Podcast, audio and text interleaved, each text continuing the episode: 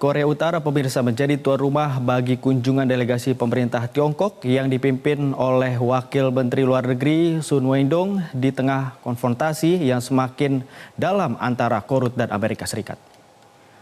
Kantor berita resmi Korea Utara, Korean Central News Agency melaporkan bahwa delegasi Wamenlu Tiongkok tiba di ibu kota Pyongyang pada hari Kamis setelah menyeberangi perbatasan darat antara kedua negara. Sun Weidong mengadakan dialog dengan rekan sejawatnya Menlu Korea Utara di Pusat Kebudayaan Korea Utara. Saat ini, pemimpin Korea Utara Kim Jong-un terus berusaha meningkatkan visibilitas kemitraan dengan Tiongkok dan Rusia di tengah upaya keluar dari isolasi diplomatik dan memperkuat posisinya di wilayah Asia Timur dengan bergabung dalam barisan melawan Amerika Serikat.